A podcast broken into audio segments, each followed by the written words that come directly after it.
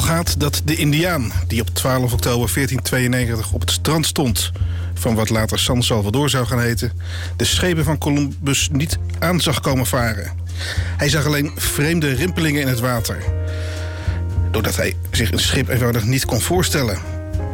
Mensen zijn zo sterk geconditioneerd dat ze alleen dingen kunnen zien die ze kennen en mogelijk achten. Zo luidt de moraal van het verhaal. We weten niet of het waar is, maar we weten wel dat het met die Indiaan slecht is afgelopen. In Schepen aan de Horizon praten we over de vreemde rimpelingen die we zien in de hedendaagse economie en samenleving. Van het virtueel vouwen van proteïne tot de boodschappen van de oermens. En van intersubjectieve informatievoorziening tot de multidisciplinaire maakplek van alles passeert de revue. Steeds vragen we ons af: wat zien we hier eigenlijk? En vooral, wat zien we niet, maar komt wel recht op ons af? Goedenavond, welkom bij Schepen aan de Horizon. Dit is aflevering 18. Het is 28 januari 2015. Ik ben uw gastheer, mijn naam is Ronald Mulder.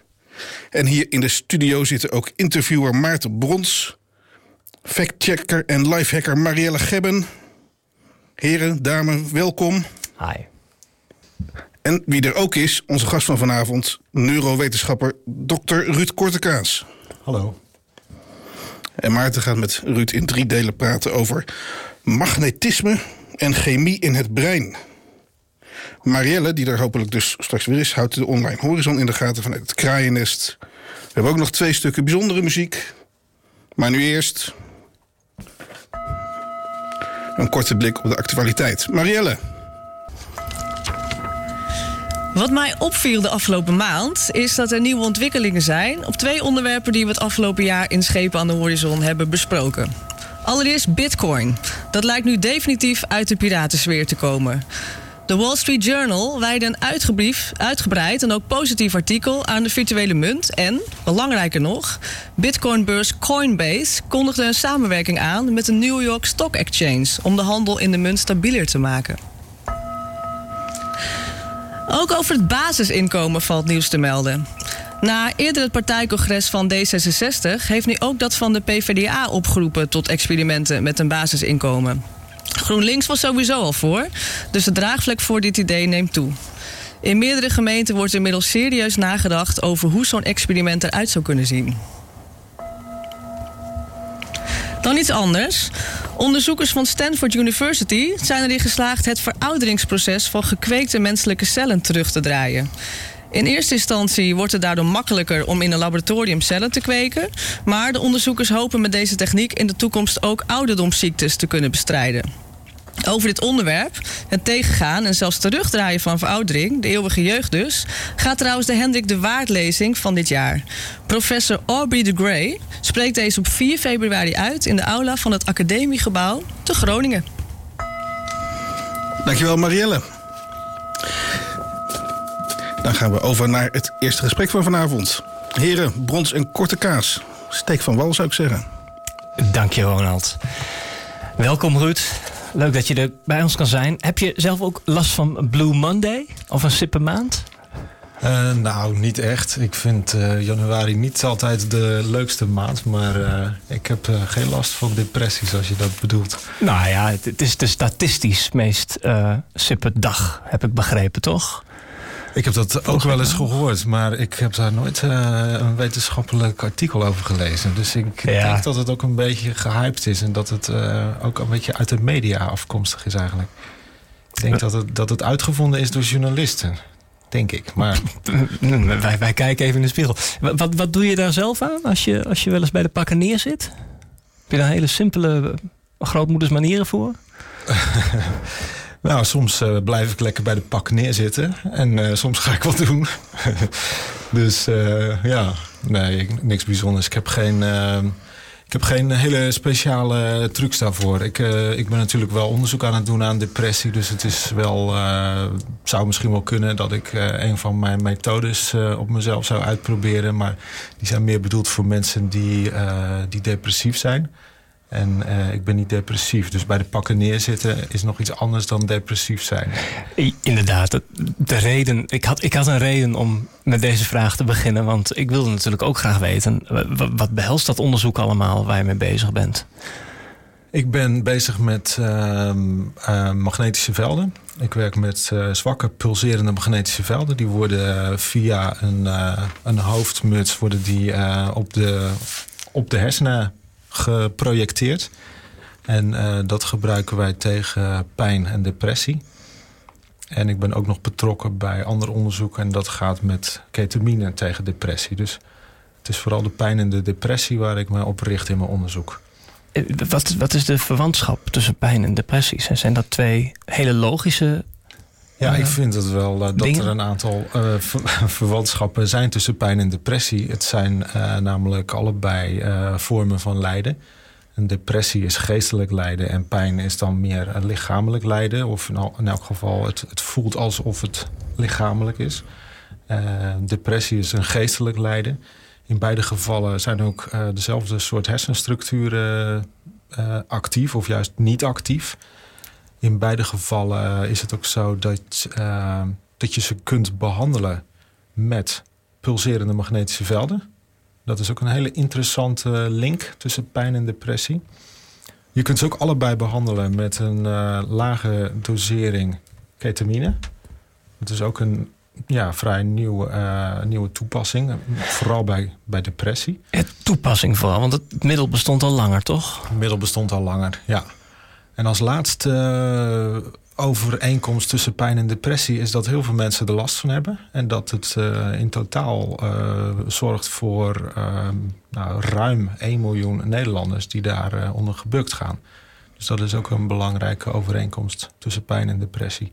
En ik denk als je pijn en depressie uit je leven kunt houden.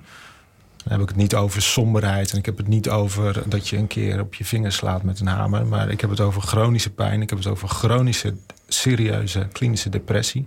Als je dat buiten je leven kunt houden, dan denk ik dat je leven heel, eh, heel goed vol te houden is. En dat je ook leuke dingen kan doen. En dat je ook kan worden wie je wilt zijn. Van, zo, het wordt, het wordt wel heel omvattend op deze manier. Is dat dan ook de grootste drijfveer voor je? Wat is, de grote, is dat de grote waarom-vraag? Waarom je dit doet? Ja, dat is de grote drijfveer inderdaad. om iedereen gelukkig te zien worden? Nou, nee. ehm, nou, dat zou wel mooi zijn. Ik, ik denk niet dat ik dat ga, ga zien, dat iedereen gelukkig wordt. Maar ik eh, kan natuurlijk wel als wetenschapper, als onderzoeker en als innovator eh, een beetje daaraan bijdragen. Eh, ik heb eh, de hersenen bestudeerd, ik heb farmacologie bestudeerd, ik heb eh, hersengolven en van alles en nog wat bestudeerd. Maar ik denk van nou, het, het, het is wel de bedoeling dat we er ook iets mee gaan doen. En van alle dingen die je er dan mee wilt doen, dan toch het liefst dit. Dan toch het liefst pijn en depressie bestrijden, ja. Ja, Komt zeker. er, komt er dan straks ook een groot standbeeld van jou op de grote markt te staan? Dat denk ik niet. Nee. Het, het, het lijkt misschien wat. ehm, ehm, wat is eigenlijk de, de verhouding dan tussen eh, chemie en magnetisme in het brein? Want je, je komt natuurlijk niet zomaar van eh, iets chemisch uitproberen naar magnetische velden. Dat, dat- daar zit vast Nee. een logische verwantschap. Ja, er zit een logisch eh, verwantschap tussen. En ehm, die verwantschap die kun je heel makkelijk onder ogen zien als je je realiseert dat hersenen een elektrisch orgaan zijn. Eh, waarvan de cellen met elkaar communiceren op twee manieren. Op een chemische manier en op een elektrische manier. Dus de hersenen zijn constant bezig om elektriciteit te produceren. Als ze dat niet meer doen, dan ben je dood. En de hersenen gebruiken daarbij chemische stoffen. En die chemische stoffen zijn neurotransmitters, neuromodulatoren. En die zorgen ervoor dat er eh, communicatie is tussen hersencellen. Eh, wat we met medicijnen doen, is in feite de werking van bepaalde neurotransmitters en neuromodulatoren nabootsen. En dat zorgt er dan voor dat de hersenen iets anders gaan functioneren. Dat dus bepaalde communicatiekanalen in de hersenen worden versterkt of juist worden verzwakt. En dat zorgt ervoor dat je een bepaald therapeutisch effect kunt hebben. Maar uiteindelijk is het de elektrische activiteit van de hersenen die bepaalt hoe je je voelt en wat je denkt en wat je van dingen vindt. Het is En daar kan iets chemisch aan vooraf gaan, Ja. of iets magnetisch of iets elektrisch. Ja, dat klopt. Ja, je kunt dus ehm, het, hetgene wat uiteindelijk het dichtste staat bij jouw subjectieve beleving, is niet de chemie, maar het is de elektrische activiteit van je hersenen. Dus je gebruikt een pil of een poeder of een injectie om een elektrisch effect te bereiken in de hersenen. Heb ik het over psychofarmacologie, dus antidepressiva, analgetica, eh, antiepileptica, eh, noem het maar op. Dus alles wat op de hersenen en op de geest inwerkt aan, aan medicijnen, heeft uiteindelijk een elektrisch effect. En die elektrische effecten die kun je ook bereiken door magnetische velden op een slimme manier te laten fluctueren. Hmm, dat is een stuk minder ehm, ingewikkeld. Je kunt gewoon zo'n zo'n badmuts opzetten en een knop om en daar ga je. Nou, in principe eh, zou dat kunnen. Maar er zijn natuurlijk wel wat eh, technische beperkingen aan. En er zijn ook wel wat, eh, misschien ook wel wat meer fundamentele beperkingen aan. Maar ja, we kennen waarschijnlijk wel allemaal de deep brain stimulation, waarbij iemand een elektrode in het brein geïmplanteerd krijgt. En daar wordt dan een klein beetje een heel zwak stroompje op gezet. En dat zorgt dan ook voor een bepaald effect. Dat kan bijvoorbeeld zorgen dat iemand minder gaat trillen bij de ziekte van Parkinson. Maar het kan ook voor zorgen dat mensen minder somber zijn. Of dat ze minder last hebben van dwang of tics. En ehm, ja, dat soort dingen kun je in principe dus ook allemaal opwekken met een pulserend magnetisch veld. En dat is het, het, het, het hoofdonderwerp waar je nu vooral mee bezig bent, toch? Klopt, ja. Ja, dat is uiteindelijk eh, in mijn ogen de meest elegante techniek die je kunt gebruiken om hersenfunctie te beïnvloeden. Je hebt er namelijk dan geen medicijnen voor nodig. Je hoeft ook niet, eh, zoals bij deep brain stimulation, eh, te opereren. Je hoeft dus geen gaatjes te maken in het hoofd. Want die magnetische velden die gaan er gewoon doorheen en daar voel je ook niks van. Dus ja, ik vind die magnetische velden de meest elegante manier. En eh, ik denk dat daar ook nog de meeste toekomst in zit. Omdat er gewoon nog heel veel aan ontdekt moet worden. We weten dat het werkt. We weten dat het iets doet. We kennen de TMS, transcraniale magnetische stimulatie. Die is eh, sinds een jaar of dertig redelijk hot in, in de wetenschap. Psychologen, psychiaters eh, en ook eh, onderzoekers van het motorische systeem maken daar graag gebruik van. Nou, die zwakkere magnetische velden, die, die doen ook wat. Daar, daar ben ik wel van overtuigd. Er is genoeg literatuur voor. En ik denk vooral dat we daar innovatie moeten verwachten.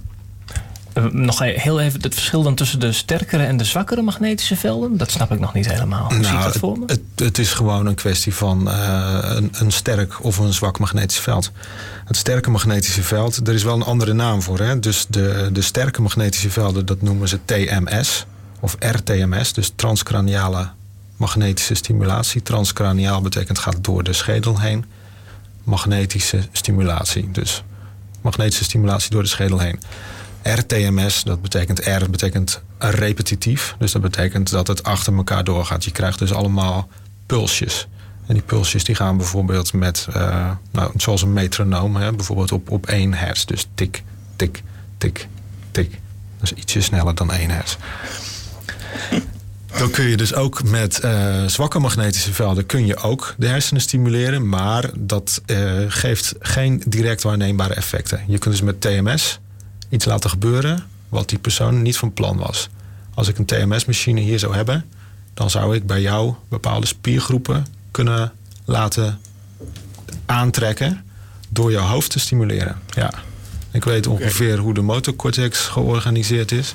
Dus als ik jouw eh, rechterhand wil eh, laten bewegen, dan moet ik aan de linkerkant hier ongeveer net boven je oor moet ik je gaan stimuleren. En dan kunnen we daar spiercontracties waarnemen. Nou, die spiercontracties, dat is een heel vreemde gewaarwording natuurlijk. Want dat was je niet van plan en toch begint opeens je hand te bewegen. Dat kun je doen met TMS. Met de me- methode die ik zelf onderzoek, kan dat niet. Die is duizend keer zwakker en die doet dat niet. Dus die is heel mild. En die voel je ook niet. TMS voel je. Maar het zijn wel hele specifieke magnetische patronen, als, ik- als ik me er even mee mag bemoeien. Want we zitten hier alle drie met een koptelefoon op ons hoofd. Er zitten ook magneten in. eh, dus eh, Ja. krijg, krijg- eh, magnetisme is overal. Klopt. Heeft dat ook effect op, op de hersenen? Of, of is dat te ongericht en te onspecifiek? Of Nou, dat is niet uit te sluiten dat een koptelefoon effect heeft op je hersenen. Sowieso natuurlijk. Als er een geluid op je, eh, op je trommelvlies valt, dan gaat er een impuls eh, van de cochlea naar je hersenen. En dat heeft een effect. Nou, dat, dat weten we. Dat is gewoon horen. Daarom Ja, is muziek ook zo interessant. Daarom is muziek ook zo mooi. Maar, nee, maar ik bedoel, we moeten ik bedoel niet. meer die, die spiercontracties waar je het over hebt. Dat je, Wij, nee, bij je sommige krijgt muziek geen krijg ik dat ook trouwens. Ja, maar... dan gaat het op een andere manier. Dan gaat het via jouw emotionele systeem. Of jij gaat zelf bewust een, een of ander dansje uitvoeren. Dat, dat kan. Maar ik, je hebt het nu over eh, onbedoelde effecten van een fluctuerend magnetisch veld van je koptelefoon. Mhm. Ja, we moeten niet uitsluiten dat die bestaan. En er zijn ook allerlei apparaten die natuurlijk pulserende magnetische velden genereren. En we moeten ook niet uitsluiten dat die ook allerlei werkingen en bijwerkingen kunnen hebben. Dit is Schepen aan de Horizon. We praten altijd over actuele en toekomstige onderwerpen in economie, maatschappij. En vandaag is dat de mysteries van het brein, zoals depressie dat er een is. Het is iets chemisch, het is iets eh, elektrisch. En dus kan je het ook chemisch en elektrisch bestrijden. Of niet, Ruud? Ja, dat eh, is goed samengevat. Ja. Ja, waar, waar ik toch ook vooral erg benieuwd naar ben, is hoe hoe is het nou zo gekomen? Want je hebt een bijzondere ehm, eh, om, omweg gemaakt eigenlijk voordat je dit onderzoek bent gaan doen, toch? Want je bent van huis uit medicus. Ik ben eh, biofarmaceutisch wetenschapper van huis uit. Dat word je niet zomaar. Vertel, hoe, hoe, hoe, hoe ben je daar zo bij, bij gekomen? Ik heb altijd belangstelling gehad voor eh, de levende natuur en voor eh, technologie. En die combinatie heb ik eigenlijk altijd opgezocht. En ik heb daarbij ook een, eh, altijd een filosofische belangstelling gehad voor de, de aard van bewustzijn en hoe hersenen en bewustzijn met elkaar samenwerken. Eh, hoe dat precies werkt. Ja, de, dat zijn een beetje mijn, eh, mijn, mijn interesses. En vandaar dat ik met technologie en met eh, farmacologie en psychofarmacologie en mind-brain filosofie ben ik de neurowetenschappen ingegaan. En ik heb me een tijdje bezig gehouden met, met het gedrag van dieren. En ik heb me een tijdje bezig gehouden met de effecten van geneesmiddelen op gedrag. En ook met de effecten van geneesmiddelen op de elektrische activiteit in de hersenen. Je kunt dus ook meten wat geneesmiddelen doen. Gewoon met een, met een stroomdraadje. En als je daar een eh, slimme computer aanhangt met, met wat goede software... dan kun je ook hele mooie eh, medicijnstudies doen. Je kunt dus ook eh dosis-effectrelaties bestuderen met, met hersengolven... Als, als, alsgene wat je meet. EEG is dat dan, toch? Ja, EEG, ja. Dus je kunt eh, elektrofarmacologie doen. En uiteindelijk, eh, uiteindelijk ben ik er steeds meer van doordrongen geraakt... dat dus uiteindelijk het elektrische effect van een geneesmiddel... dat is waar het om gaat. Het elektrische effect, dat is het belangrijkste. En dat is de final common pathway. Dus als je niet meer depressief bent... dan komt het niet doordat je meer serotonine hebt...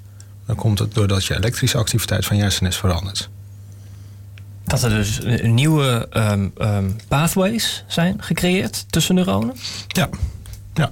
Dat de hersenen op een andere manier werken. Ja, dat kan op allerlei manieren. Eh, door, onder andere inderdaad doordat de verbinding tussen gebieden anders gaat werken. Sterker wordt, minder sterk wordt. Of daar gaat een derde gebied zich mee, bemoeien. En eh, allerlei netwerkanalyses kun je daarop doen. Maar eh, ja, daar komt het op neer. Dus als de elektrische activiteit van je hersenen zegt dat je niet depressief bent... dan ben je niet depressief. Dit is potentieel zo ontwrichtend. Daar kan een hele, een, een hele industrie wel inpakken. Eh, dat eh, weet ik niet. Eh, je hebt het over de, de farmaceutische industrie. dat is toch eigenlijk een omweg. Als we iets, iets chemisch in het lichaam moeten introduceren om iets elektrisch teweeg te brengen. Maar jij hebt nu een manier om dat veel rechtstreeks en eleganter te kunnen doen.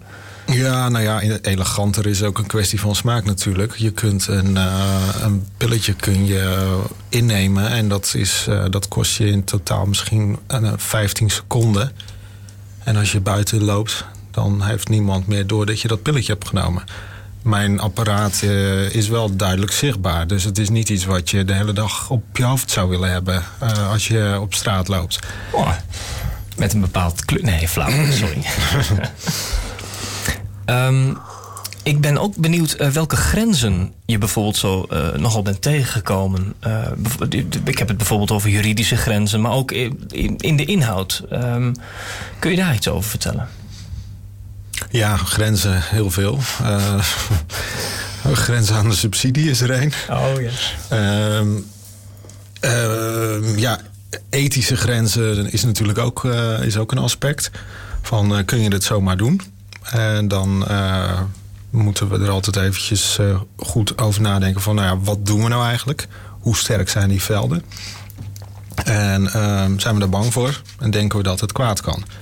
Nou, ik denk het niet, want uh, zelfs een hele standaard uh, speelgoedmagneet, die is al sterker dan de elektromagneten die ik gebruik. En voor zo'n speelgoedmagneet is niemand echt bang. En ook als je die bij je hoofd eh, beweegt, dan doe je eigenlijk ook iets wat, wat lijkt op wat ik doe met mijn stimulator. Um, dus ja, die, die ethische bezwaren die, die vind ik niet zo groot. Maar er zijn wel mensen die zeggen van ja, maar dat kun je helemaal niet doen. Dus dan is het wel een grens in de zin dat andere mensen het niet accepteren en zeggen van ja, maar dat kun je helemaal niet doen, want je weet helemaal niet wat je doet. En uh, dat, dat kom ik wel tegen, dat mensen dat zeggen. Maar dan leg ik uit van, nou ja, het is een hele milde stimulatie. Het is, je zou het misschien meer als een, als een massage van de hersengolven moeten zien... dan als een hele dwingende uh, manier om die hersengolven te veranderen... of om in de geest in te grijpen of zoiets dergelijks. Dat is het dus niet. Je duwt iemand niet, maar je neemt iemand aan de hand... en nodigt hem uit de dansvloer op. Zo zou je het kunnen zien, ja. Het is niet, uh, het is niet een dwingende stimulatie zoals een TMS iets kan doen. Ja. Wat je helemaal niet van plan was. Het is iets wat ervoor zorgt dat je hersenen op een andere manier gaan werken. En bepaalde hormonen gaan aanmaken, waardoor er weer nieuwe verbindingen komen, et cetera. Dus dat is een grens. Er is nog een andere grens. En dat is mensen die dus precies het omgekeerde, de omgekeerde reactie hebben. Er zijn dus mensen enerzijds die zeggen... ja, maar dat kan je niet doen, dat is hartstikke gevaarlijk. Maar er zijn ook heel veel wetenschappers die zeggen... ja, maar wat jij doet is, uh, is esoterie. Dat is homeopathie. Dat zijn velden die zijn zo zwak... daar kun je nooit een effect mee bereiken. Maar hoe weerleg je zoiets? Nou, door de literatuur erbij te pakken. En door te laten zien dat er dus meerdere studies zijn in verschillende laboratoria, waaronder mijn eigen onderzoeksgroep, die hebben laten zien dat een bepaalde golf pijnstillend, uh, een pijnstillend effect heeft. En dan, als mensen het niet willen geloven, geloven ze het niet. Want dan zeggen ze ja, maar dat is uh, publication bias. Dat betekent dus als je uh, zou vinden dat het niet zou werken, krijg je het niet gepubliceerd. En aangezien soms een studie per ongeluk toevallig, door toeval, wel een effect laat zien, kan het zijn dat als er bijvoorbeeld misschien 30 of 60 studies zijn gedaan, dat er dan drie zijn waar toevallig iets uitkomt en die zijn gepubliceerd. Maar ik geloof niet dat er 60 negatieve studies zijn. Oh. Zoveel mensen doen helemaal geen onderzoek hieraan. Hoe klinkt zo'n pijnstillende golf ongeveer? Kun je dat voordoen? Uh, ja, ik heb hem wel eens uh, door een luidspreker uh, gestuurd. even denken hoor. Het was een. hij gaat van langzaam. Hij gaat van snel naar langzaam. Dus hij doet.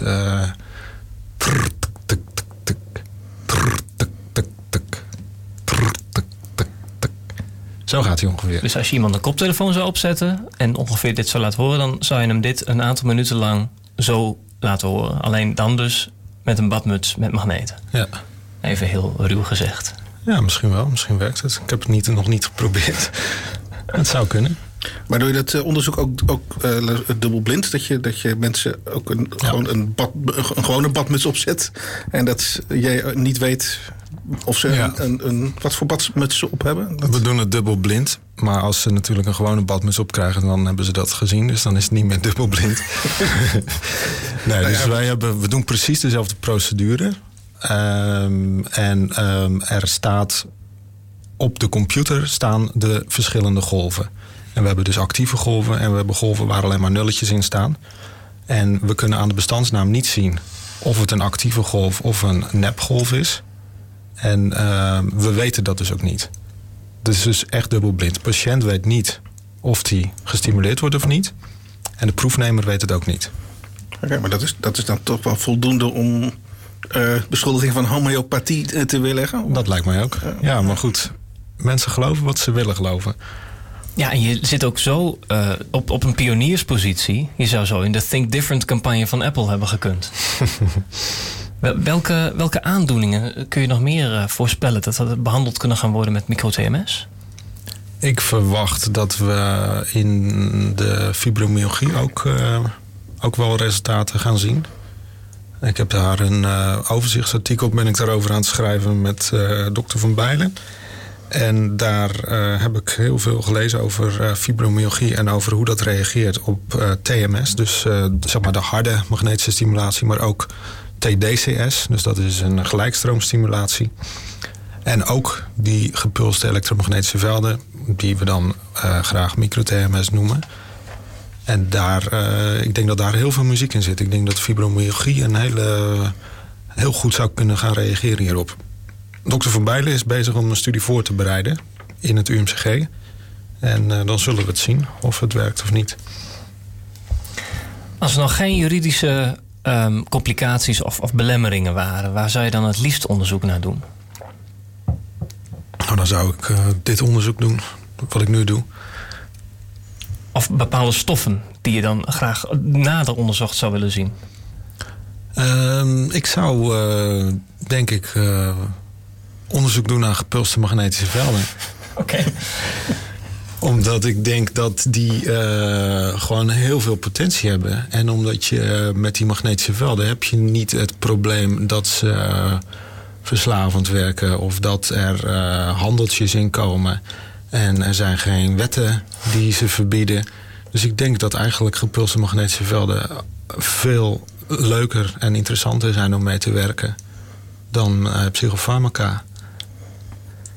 Uh, hoe, hoe, zie ik dat dan voor me? Uh, is, is, dat een quantified wearable? Wordt dat de iPod van de 21ste eeuw? Uh, dat weet ik niet. Ik, uh, ik, ik, ik kan wel duidelijk zien als ik in de media aan het grasduinen ben en op internet, dat de belangstelling heel erg toeneemt voor dit soort technologie.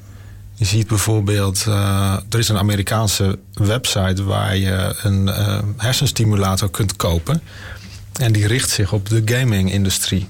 Dus het is de bedoeling en zo wordt het ook echt geadverteerd. Dat je daar dus uh, langer of, of, of meer geconcentreerd door kan gamen.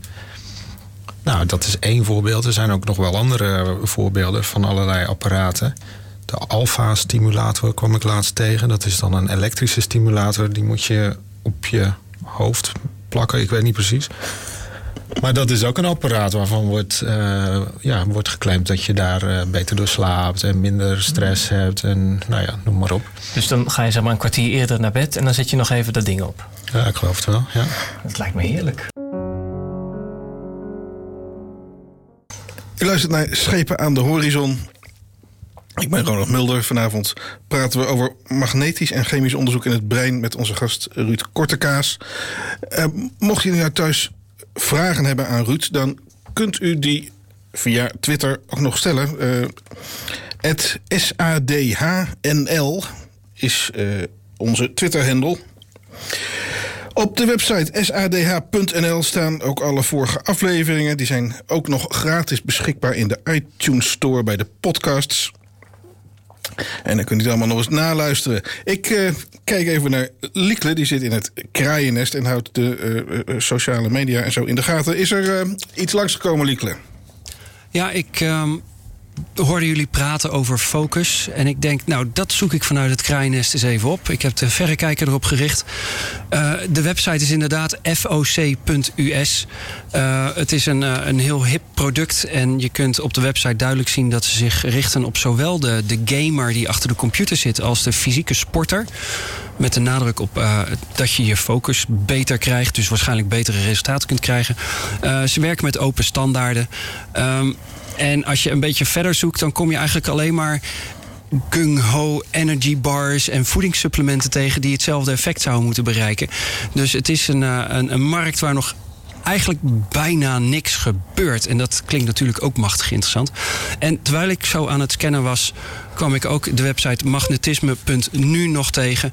En dat was niet zo verwonderlijk, want dat is de site waar eh, Ruud zelf ook zijn informatie op deelt. En daar kun je, als je na deze uitzending uh, nog dingen terug wilt lezen of meer wilt weten, kun je daar heel erg veel vinden over wat hij hier zo eventjes in een uurtje tijd kort de revue laat passeren. Magnetisme.nu. Dankjewel, Liekle. Uh, naast mij zit interviewer Maarten Brons te popelen om het roer weer van me over te nemen. Maarten, ga je gang. Ja, in het derde uh, gesprek wilde ik graag de blik nog verder vooruitwerpen. Um, want um, hoe is dit eigenlijk allemaal dan te vermarkten? Want je, je, je gaat weg bij het UMCG, toch? Ja, dat klopt. Ga een eigen tent oprichten. Ja, ik heb uh, inderdaad, ik ben uh, met het UMCG op dit moment aan het overleggen hoe we dat gaan doen. En uh, ja, wat daar de voorwaarden voor zijn. maar ja, inderdaad, ik heb deze methode nu zoveel onderzocht dat ik in elk geval zelf heel veel vertrouwen in heb. En ik merk ook dat heel veel mensen mij benaderen. Die willen graag ook deze behandeling ondergaan. Omdat ze bijvoorbeeld pijnklachten hebben of omdat ze depressieklachten hebben. En er zijn ook heel veel mensen met andere soorten klachten die vragen van zou het ook kunnen helpen bij. En dan een of andere andere klacht. En ja, ik kan dus heel vaak uh, kan ik dan niks voor ze doen omdat we dat dan eerst in een studie moeten doen. Juist. Dus als iemand zegt, ja, ik heb uh, last van tics. Uh, zou dat helpen bij tics? Ja, dan moet ik dus uh, eerst een, uh, een, protocol gaan schrijven. En dan uh, moet dat door een ethische commissie gekeurd worden. En dan nou ja, moet je eigenlijk ook een subsidieaanvraag ervoor doen. Dus voor elke vraag die mij gesteld wordt, heb ik dan een jaar papierwerk. Ja, en papierwerk is toch niet je hobby, zeg maar? Nee, het zou dus wat mij betreft veel makkelijker zijn als je dat gewoon, gewoon aanbiedt. En uh, ja, dan, dan zal de, de hulpvrager zelf dus een deel van de kosten moeten dragen. Maar dan gaat het allemaal wel snel. En dan gaat het kleinschalig. En dan kunnen mensen zelf zien of het wat voor ze doet. K zien we dan ook voor ons dat er handel komt in geoctrooieerde sweeps? In, in van die uh, magnetische Ja, dat, golven? dat is in feite al, uh, al aan de hand. De, de golf die wij onderzocht hebben, dat is een geoctrooieerde golf. Niet door mij. Dat is, die is door, uh, door drie Canadezen uh, bedacht.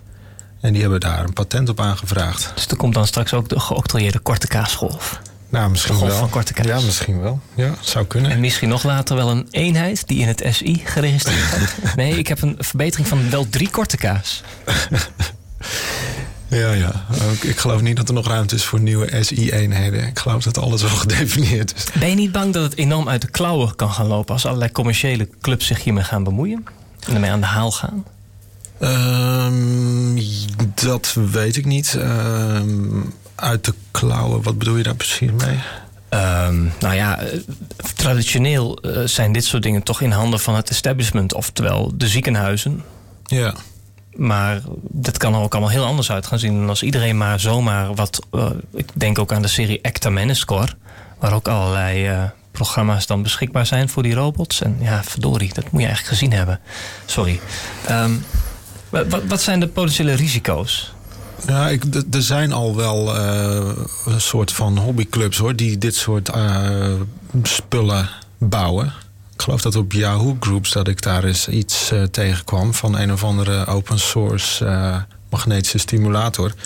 En vandaag kwam ik ook uh, twee, twee jonge mannen tegen op het internet dan. En die in een filmpje uitlegden dat ze een open source gelijkstroomstimulator aan het bouwen waren. En die kon je ook bestellen. Dus ja, het, het is eigenlijk, eigenlijk is, is de, hoe zeggen ze dat? De genie is out of the bottle. Ja. Dus geen. Nou ja, omdat allemaal pillen en poeders die uh, uh, uh, recreatief gebruikt worden, hè, die, aan allemaal wetten en andere beperkingen onderhevig zijn. Maar deze golven natuurlijk niet. Ja. kan je een hele, hele levendige handel voor recreatief gebruik voorstellen. En, terwijl we misschien nog helemaal niet zo goed weten wat op de langere duur de effecten zijn voor, voor je hersenen. Ja. Nou ja, ik denk niet dat de effecten uh, zo sterk zijn als allerlei illegale pillen en poeders. Ik heb zelf wel het een en ander aan golven uitgeprobeerd. En uh, nou ja, een stevige espresso, daar komt het wel bij in de buurt soms. Maar ik heb geen hele verrassende of, of bizarre of overweldigende ervaringen gehad met mijn magnetische stimulatie. Ehm, ja, ik denk zelf dat het wel meevalt. Ik denk zelf dat het een, wel een mooie en een milde vorm van hersenstimulatie is. Een van de dingen waar ik ook graag heen wilde is... je hebt mij een keer iets verteld over een rat die op een knop drukte... en die alleen maar op dat knopje bleef drukken. Ja, dat klopt. Ja. Hoe zat het nou ook weer precies? Daar wil ik eigenlijk heen. Oh, daar wil je heen. Ja, dan moet je uh, je laten opereren. Nee, ik, ik niet. Dan hier in het interview. Grapjes. Uh, ja, dat, uh, dat zijn uh, proeven uit de jaar, eind jaren 60, waarbij men erachter kwam dat als je ratten implanteert met een elektrode en je geeft ze zelf een knopje waar ze op mogen drukken, dan gaan ze afhankelijk van de plek waar die elektrode zit, gaan ze dat knopje heel obsessief indrukken. Dus dan gaat het echt om, uh, om 60 of 100 keer per minuut dat ze dat knopje indrukken. Maar het kan ook zijn dat als je op een andere plek zit, dat het ze niks interesseert. En er zijn ook plekken waar ze het knopje één keer aanraken en dan nooit meer. Dat het blijkbaar dus een vervelend effect heeft. Of in elk geval een, een soort van negatieve reinforcement geeft.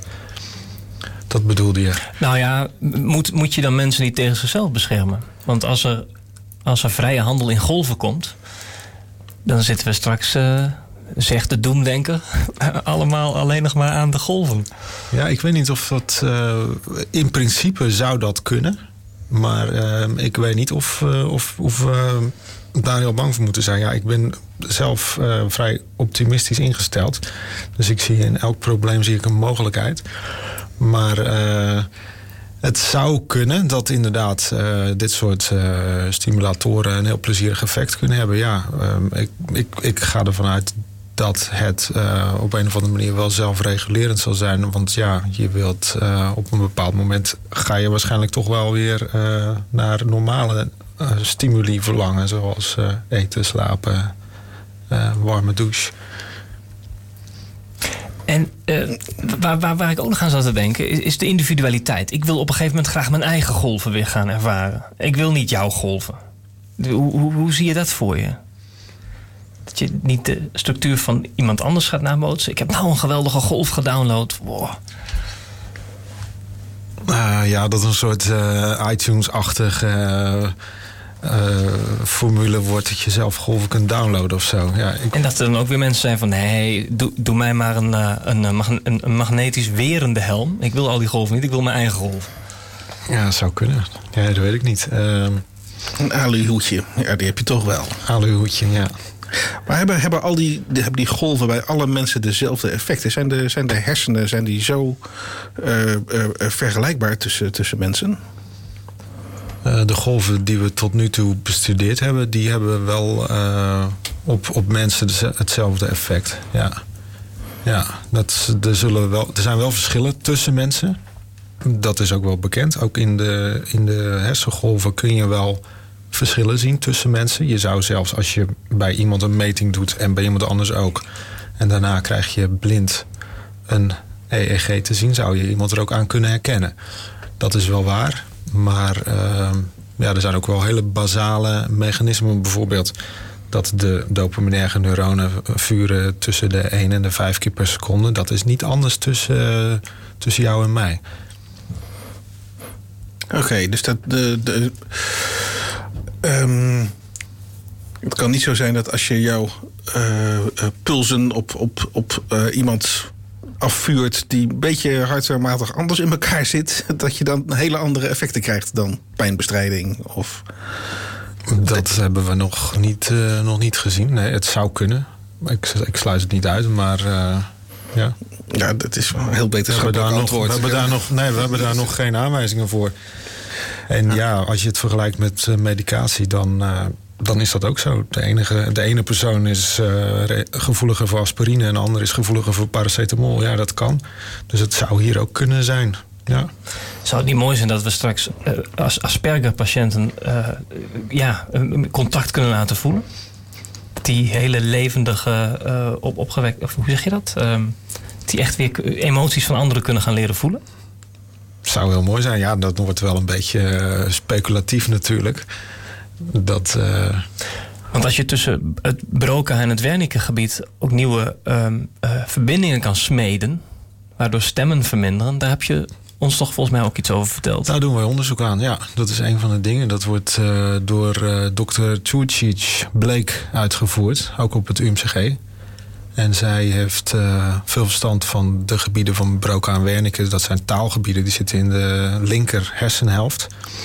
En Wernicke zit een beetje meer naar voren. En, oh sorry, Wernicke zit een beetje meer naar achteren. En Broca ligt er iets voor.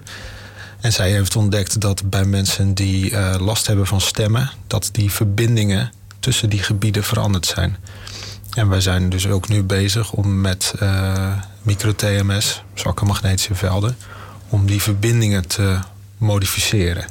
Hopelijk met het effect dat we daar dus ook een therapeutisch effect kunnen bereiken... bij mensen die last hebben van die stemmen. Niet iedereen heeft last van de stem hoor. Er zijn vrij veel mensen die stemmen horen. En er is maar een percentage daarvan heeft er last van. En zoekt ook hulp. Maar het zou voor mensen die er dus veel last van hebben, zou het misschien een mogelijkheid zijn om ook uh, andere klachten te verminderen. Dan heb je eigenlijk een fantastisch vak, Ruud. Je bent een, een soort speleoloog die kan gaan metselen in de diepte. ja, ik vind het ook een fantastisch vak, ja, zeker. En tegelijk ook een soort van uh, fysiotherapeut van de hersenen. Want je hebt het steeds maar over. Hè, we grijpen niet diep in, het is masseren. Het is uh, eigenlijk vrij oppervlakkig. En, dan, en toch gaan die hersenen dan weer uh, hun functies herstellen. Gaan we nu verbindingen maken. Ja. Het klinkt enorm veelbelovend. Ja, nou, we zien ook hele mooie effecten. We zien bij onze depressieve patiënten dat er een aantal van hen heel dramatisch opknappen. En dat is heel mooi om dat uh, mee te maken. Daar doe je het voor. Ja. Dat is een van de grote beloningen. Dat geeft een enorme kick, ja. Hoe zie je deze ontwikkelingen voor je en welke rol wil je daar graag dan in gaan spelen? Ik wil mij gaan bezighouden, uh, blijven bezighouden met het uh, ontwikkelen van stimulatoren. En uh, ik denk ook wel dat het een goed idee is om die stimulatoren beschikbaar te stellen aan mensen die ze nodig hebben. Dan heb ik het niet over, ja, niet over cowboygebruik van voor de lol, we gaan eens eventjes onszelf stimuleren. Maar dan heb ik het over mensen die echt een, een probleem hebben, zoals pijn of depressie. En ik denk ook dat we de, de methode gewoon naar de mensen toe moeten brengen. En dat we ook uh, het loket moeten open, openen voor mensen die uh, dit willen proberen. En dat loket is magnetisme.nu. ja. Toch? Ja. Oké. Okay. Hou het in de gaten, magnetisme.nu. En uh, er zou best eens wat uh, op de markt kunnen komen als ik dit zo uh, hoor. Dit was Schepen aan de Horizon, de 18e aflevering alweer. Ik wil even de partners en sponsoren bedanken. Oogradio, Warpnet, Seeds to Meet. Dank om dit mogelijk te maken. Volgende maand is er weer een uitzending. En tot die tijd kunt u alles uh, nog eens terugluisteren uh, op sadh.nl en ook in de iTunes Store bij de podcasts. Gratis en voor niks. Schepen aan de horizon wordt gemaakt door Maarten Brons, Rick van der Klei, Liekle de Vries, Juri Marielle Gebben. Mijn naam is Ronald Mulder.